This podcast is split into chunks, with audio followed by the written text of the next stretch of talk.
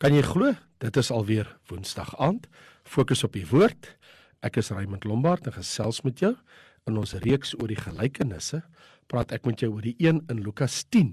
Ek dink dis die een wat ons almal seker al iewers in ons lewe gelees het. Onthou jy die storie? Hy gaan so, daarvan vers 25 af.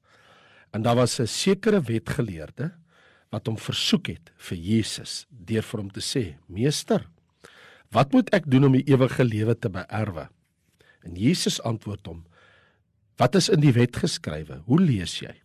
En hy antwoord en sê jy moet die Here jou God lief hê uit jou hele hart, uit jou hele siel, uit jou hele krag, uit jou hele verstand en jou naaste soos jouself. En Jesus sê vir hom: Jy het reg geantwoord. Doen dit en jy sal lewe. Maar hy wou homself regverdig. En hy sê vir Jesus: En wie is my naaste? En Jesus antwoord en sê: 'n Sekere man het afgegaan van Jerusalem na Jerigo en onder rowers verval. En nadat hulle hom uitgetrek en geslaan het, gaan hulle weg en laat hom half dood lê. En bygeval het daar 'n priester met die pad afgekom en toe hy hom sien, gaan hy aanderkant verby. En net so kom ook 'n leviet by die plek en hy het hom gesien en aanderkant verbygegaan. Maar 'n sekere Samaritaan wat op reis was, het op hom afgekom en toe hy hom sien, het hy innig jammer gevoel. En hom gegaan en sy wonde verbind en olie en wyn daarop gegooi. Hy het hom toe op sy eie pakdier gehelp en hom na 'n herberg geneem en vir hom gesorg. En toe hy die volgende môre weggaan, haal hy twee pennings uit, gee dit aan die eienaar van die herberg en sê vir hom: "Sorg vir hom en enige onkoste wat jy nog meer mag hê, sal ek jou betaal as ek terugkom. Wie dan van hierdie 3 dink jy was die naaste van hom wat onder die rowers verval het? En hy antwoord: Hy wat barmhartigheid aan hom bewys het. Toe sê Jesus vir hom: Gaan en doen jy net so. Wow. Wat 'n verhaal. Hierdie ene ken ek en jy al van kindsbeen af as die gelykenis van die barmhartige Samaritaan. Maar ek wil vir jou sê sommige van Jesus se gelykenisse het 'n skop in hulle wat 'n mens laat voel jy wil jou wonde vryf en reflekteer op die les wat dit inhou. Hierdie is een van daai gevalle waar die man wat die vraag gevra het baie meer gekry het as wat hy ooit kon dink. Hy het mos die vraag gevra: "En wie is my naaste?" Nooit het hy kon droom die antwoord wat Jesus hom sou bied nie. Jy sien hierdie verhaal of gebeurtenis wat Jesus vertel is een van die mees kragtigste stories ooit. En op die vraag: "Wie is my naaste?" Behoort die vraag eerder te gewees het wie se naaste is ek? Of dan vir wie is ek 'n naaste? Want jy sien hierdie man die wetgeleerde dit sien ons mos in vers 25 'n sekere wetgeleerde het opgestaan wat hom wat Jesus versoek het. So kom ons noem en hy ken die wet want Jesus sê vir maar jy ken mos die wet wat staan in die wet geskrywe. So kom ons noem hom die teoloog. So hierdie teoloog vra die grootste vraag in die lewe. En hy kry ook die grootste antwoord in die lewe. Hy maak ook terselfdertyd die grootste fout van sy lewe. Toe hy vra, toe homself wil regverdig en vir wie is ek 'n naaste? Want ons het hier te doen met 'n ernstige morele probleem. Is daar 'n naaste wat ek moet lief hê? Of moet ek almal lief hê? Of waar trek 'n mens die streep? Of waar is die perke van ons liefde? Of hoe ver gaan my verantwoordelikheid? Of miskien Wie is nie my naaste nie? En Jesus se antwoord op al hierdie en soortgelyke vrae kom nie in die vorm van 'n lesing nie, maar antwoord Jesus deur 'n nou baie bekende storie. Jy sien om beroof te word of aangerand te word is 'n algemene verskynsel in ons moderne lewe. Dit was ook nie ongewoon in die eerste eeu. Ek praat van in die tyd van Jesus Christus nie. Want jy sien die pad, as jy lees van die pad waarvan hier gepraat word in vers 30, 'n sekere man het afgegaan van Jerusalem na Jerigo. Daai pad, die 17 myl pad, want dis hoe lank hy is, van Jerusalem na Jerigo toe is 17 myl. Ek het al 4 keer in my lewe op daai pad gereis, beide kante toe. Uh, af na die dooie see toe en weer terug op na Jerusalem toe. Daai 17 myl pad wat al kronkelend 1100 meter meer as 'n kilometer skerp afdraande was van Jerusalem af na Jerigo toe was nie verniet bekend as die weg van bloed nie. Want die Bybel sê hy het afgegaan van Jerusalem na Jerigo. In ander woorde, hy hy klaar hierdie man was klaar in Jerusalem en hy is nou op pad terug na Jerigo toe, die Palmstad. Daar so neffens naas die dooie see. Hierdie eeuoue eensame verlate pad was 'n baie gekose pad deur rowers.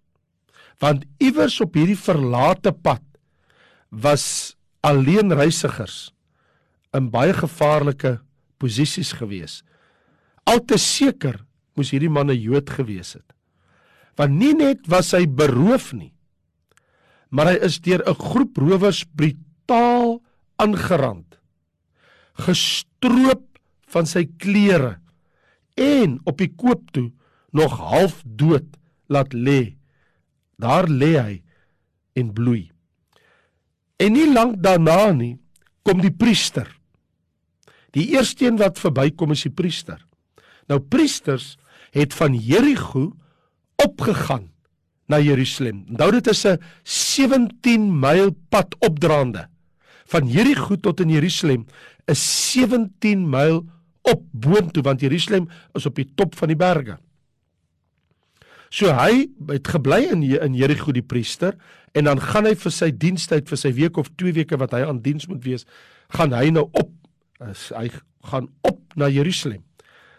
Priesters doen mos tempeldiens op 'n roterende basis en die meeste van hulle weet ons het mos buite Jerusalem gewoon nogal in Jerigo naby die Jordaanrivier onderweg daar na die dooie see. En daar staan in vers 31: En bygeval het 'n priester by die plek gekom en hom gesien en anderkant verbygegaan. Maar daar staan ook bygeval het 'n priester met die pad afgekom. So dit beteken die priester was ook onderweg van Jerusalem na Jerigo toe. So hy was op die afdraande. Hy was op pad terug huis toe. En skielik kom die priester af op hierdie gewonde half dood man. En sy reaksie is instinktief. Versigtig sirkel hy om die man en daar staan mos in vers 31 en hy gaan ander kant verby. Ons weet nie wat was sy rasionaal nie. Ek weet nie wat dit was in sy kop, wat het hy gedink nie. Na alles weet ons hy's 'n priester en kontak met 'n dooie man sou hom seremonieel onrein maak. As hy aan die lijk van 'n man vat wat al amper half dood is of miskien al dood is, hy is seker nie. So om nou betrokke te raak kan alles kompliseer. Dit kan vir hom 'n verleentheid word of moeilikheid beteken, selfs gevaarlik wees. In elk geval daar is 'n ander beter gekwalifiseerd. Hy sê mos vir homself Ek is 'n priester, ek is nie 'n paramedikus nie. Redeneer hy by homself. Ek doen nie ambulansdiens nie. Ek nie 'n dokter nie en hy hou verby. Volgende persoon wat verbykom, sê die Bybel vir ons daar is 'n leviet. Daar staan in vers 32 en 'n leviet het by die plek gekom en hom gesien aan ander kant verbygegaan. So hier kom 'n leviet En hy gaan by die gewonde man verby, maar hy's ook 'n godsdienstige figuur. 'n Priester en 'n leviet is beide twee godsdienstige figure. Ook hy verrig belangrike take by die tempel. Alhoewel hy nie by die altaar bedien het soos die priester nie, maar hy tree dieselfde op as die priester. Vir watter rede ook al, hy maak dat hy wegkom. Vers 32 sê hy gaan aan die ander kant verby. Vriende, ons behoort nie die fout te maak om die twee, ek praat nou van die priester en die leviet, uit te maak as slegte mense nie. Nee, eerder hulle is besige mense. Mense wat behoeftig is, doen mos nou inbreek op my en jou tyd. Hulle is lastig, hulle pla ons met al hulle probleme. Want ek en jy redeneer mos ook so. En ek stem saam dat hulle hulp nodig het en ek hoop dat iemand hulle kan help. Maar ek ek kan nie nou nie, ek het 'n ander agenda, ek is besig. Op hierdie stadium het Jesus nie net die wetgeleerde, onthou ons noem hom ons nou die teoloog, want ek bedoel hierdie verhaal is mos vertel omdat hierdie sogenaamde teoloog het mos vir Jesus gevra, wie is my naaste? Nou kan jy dink terwyl Jesus hierdie verhaal vertel, hy het nou nie net die aandag van die van die teoloog, van die wetgeleerde nie, maar al die mense om hom, almal luister nou baie aandagtig. Mense hou mos daarvan. Um, as sogenaamde godsdienstiges uitdraai om die slegte ouens te wees in die storie. Maar hulle kan al klaar raai wie gaan die hero, die held wees. Een van die gewone mense, een van hulle. Nooit het hulle dit sien kom nie. Hierdie twist, hierdie draaipunt in die storie. Hulle het dit nooit van Jesus verwag nie. En Jesus se volgende woorde in hierdie verhaal vers 33 sê: "Maar 'n sekere Samaritaan wat op reis was, het op hom afgekom en toe hom sien het hy innig jammer gevoel.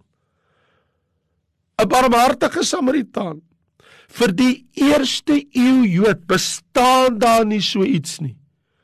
Dis ondenkbaar dat 'n goeie PLO lid of die IRA lid iets dergeliks soos dit kan doen en dit vir 'n Jood. Die Jode glo dat die Samaritane wat die tempel ontheilig het, wat die Torah verdraai het, die aanbidding van God gekorrupteer het, dat hulle is walglik. En Jesus doelbewuslik en versigtig, maar baie beplant, skok sy gehoor want die held, die Here is toe al die tyd 'n veragtelike Samaritaan. Jy sien, dis nie so seer sy nasionaliteit of ras wat hom laat uitstaan nie, maar sy barmhartigheid, sy jammerhartigheid vir die gewonde man. Want daar staan in vers 33 hy het vir hom innig jammer gevoel. Nou die die Griekse woordjie vir innig jammer is splang iets high weet jy wat beteken splang iets high dit beteken jy sien iets maar dit gryp jou so aan dat dit rukkie in jou maag dit dit asof jou ingewande in jou ruk in jou in ander woorde hy hy's so jammer dat dit gryp hom hier in sy borskas hier in sy binneste in sy maag dit rukkie in hom en hy voel so jammer vir hierdie patetiese situasie wat hierdie man hom in bevind. Hierdie Samaritaan. Hy sien nie iets anders as wat die ander twee manne nie gesien het wat reeds verbygegaan het nie. Maar hy voel iets anders as wat hulle gevoel het. Hulle het nie gevoel wat hy voel nie. Hy voel innig jammer. En hierdie man, hierdie Samaritaan se barmhartigheid vind nou uitdrukking in sy sorg vir hierdie man wat so aangerand was en half dood hulle die rowers laat lê. En hy neem sorg vir die man. Jy kan mos nou maar gaan kyk wat doen hy. Daar in Lukas 10. Daar staan vers 34 hy het na hom gegaan. Vers 34 sê hy het sy wonde verbind. Vers 34 sê hy het olie en wyn daarop gegooi in die hoop om dit te ontsmet en om dit sag en soepel te maak en dat dit kan heling bring. Vers 34 sê hy het hom sy eie pakdier gehelp. Sy muil. En vers 34 sê hy het hom na 'n herberg geneem. 'n Blyplekkie. Jy sien, die Samaritaan, hy het nie 'n noodhulpkussie by hom gehad nie. Hy skeur sy klere stuk stukkend om verbande te maak vir hierdie man of kyk op sy muil of hy ekstra kleding het. Hy laat hom op sy eie pak die ry. Hy boek hom nogal in 'n motelletjie in 'n herberg in. Hy sorg vir die man en hy maak seker dat die man versorg is. Hierdie Samaritaanse toewyding staan so uit dat hierdie slagoffer wat 'n totale vreemdeling is, 'n man van 'n ander ras en 'n ander godsdiens, 'n man wat alles verloor het en penniloos is, vind die Samaritaan vind ons gaan nog een stap verder. Hy neem selfs verantwoordelikheid vir die gewonde man se toekomstige behoefte want hy sê in vers 35 vir die eienaar van die herberg. Hy sê luister. Hier sê twee pennings. Dis 'n dagloon. 'n Penning is een dag se harde werk se geld. Hy sê hier's twee volle dae se se loon. Hy sê ek gee dit vir jou en sorg vir die man. En as dit te min is wanneer ek weer hier verbykom, sal ek die res vir jou gee. Nou dit alles sê Jesus het hierdie Samaritaan aan hierdie man gedoen sonder enige rede om te glo dat daar enige hoop is dat hy van sy uitgawes aangegaan ooit enige iets van hierdie man sal terugontvang wat hy gehelp het. Jy sien die Samaritaan het uitdrukking gegee aan wat ek en jy kan noem. Dit is 'n vrylike uitdrukking van 'n onverdiende onverwagte liefdedaad vir 'n persoon in nood.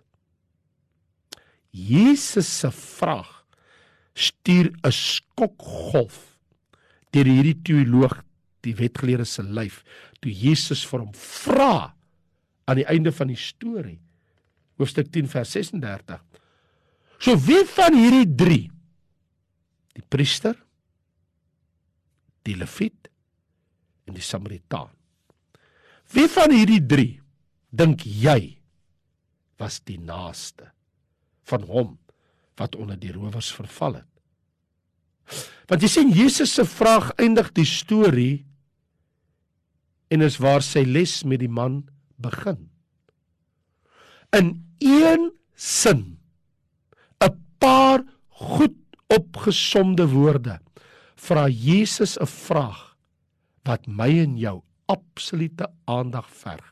Onthou, alles het mos begin met die teoloog wat die ewige lewe wou gehad het wat vir Jesus gevra het en wie is my naaste? Toe homself wou regverdig het in vers 29. Jy onthou mos, dis mos hoekom Jesus die storie vertel het. Nou vra Jesus vir hom na die storie. Sê vir my, Wie van die drie dink jy was die naaste?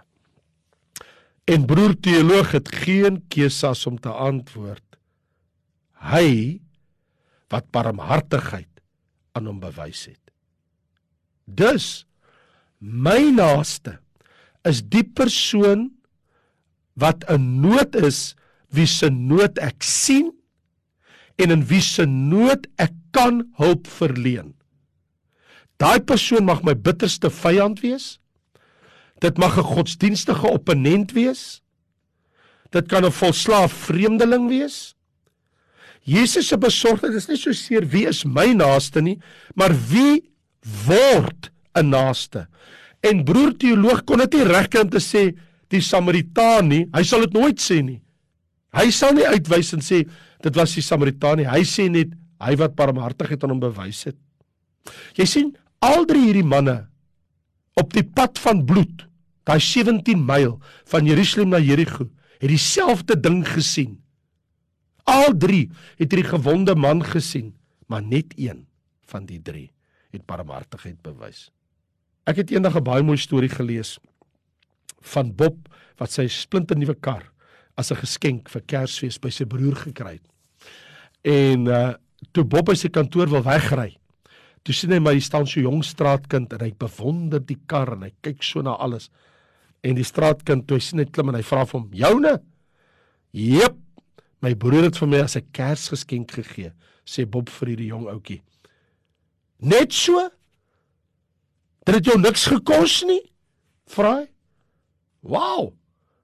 En die jong seun wat hy toe sê ruk Bob se hart. Hy sê ek wens dat ek so 'n broer kan wees. En dit laat hierdie man in sy spore stop. En hy vra vir hierdie jong ouetjie, "Wil jy 'n entjie ry?" Hy sê, "Ag asseblief, vat my net so vir 'n spin." En toe hulle so ry, toe sê hy, "Drie blokke van hier af links is my huis. Wil net gou daar voor my huis se deur stop nie." En nou Bob stop daar en hy dink, "O, oh, die ouetjie wil breek by die mense by die huis wat se kar het hy vandag gery." En vinnig hardloop die ouetjie in die huis in. En 2 minute later, tot Bob se verbasing, toe kom hy uit met sy klein boetie wat hy in sy arms dra. Sy klein krippelboetie draai teen die trappe af en laat hom daar sit op die sypaadjie op die pavement en hy sê: "Daar sê John, nes ek jou gesê het. Hierdie ou, hy het die motor verniet by sy broer gekry. Kos hom niks. Eendag gaan ek ook vir jou so 'n motor gee. Dan gaan wys ek vir jou al die dinge wat jy nooit in jou lewe kon sien nie. Dan gaan ons saam ry. Toe Bob daar wegry, vat hy die twee ouetjies en hy ry met hulle eers deur die stad. En hy gaan laai hulle by hulle huis af en jare daarna toe sê Bob die grootste geskenk wat hy toe gekry het daai jaar was wat hy onthou is nie die motor wat hy persent gekry het nie maar dit was die gesindheid in daai jong ouetjie se hart daai jong kind wat gesê het ek wens dat ek ook so 'n broer kan wees soos wat jou broer was in die posisie om vir jou iets te gee ek wonder net hierdie verhaal van Jesus van die Samaritaan. Bring dit ook in jou 'n begeerte om te sê ek wil ook 'n naaste wees soos hierdie Samaritaan. So die vraag is toe nou nie eintlik wie is my naaste nie. Die vraag is toe eintlik vir wie is ek 'n naaste? Wie het werklik hulp nodig en ek is in die posisie om hulp te verleen? Vader, Dankie dat ook in hierdie verhaal ons ons eie hart sien. Ons eie selfsugtigheid. Help ons Here om vry te kom van onsself sodat ek nie hierdie selfsugtige eie ek begeerte het waar ek vra wie is my naaste soos wat hierdie teoloog gevra het maar dat ek eerder die vraag sal vra vir wie is ek 'n naaste. Wie het my nou nodig? Help my Here om 'n naaste vir iemand anders te wees in Jesus lieflike naam. Amen. Nou toe ek is Raymond Lombard, ek groet jou. Mag die Here vir jou seën. Volgende week kuier ons weer hier by Fokus op die woord.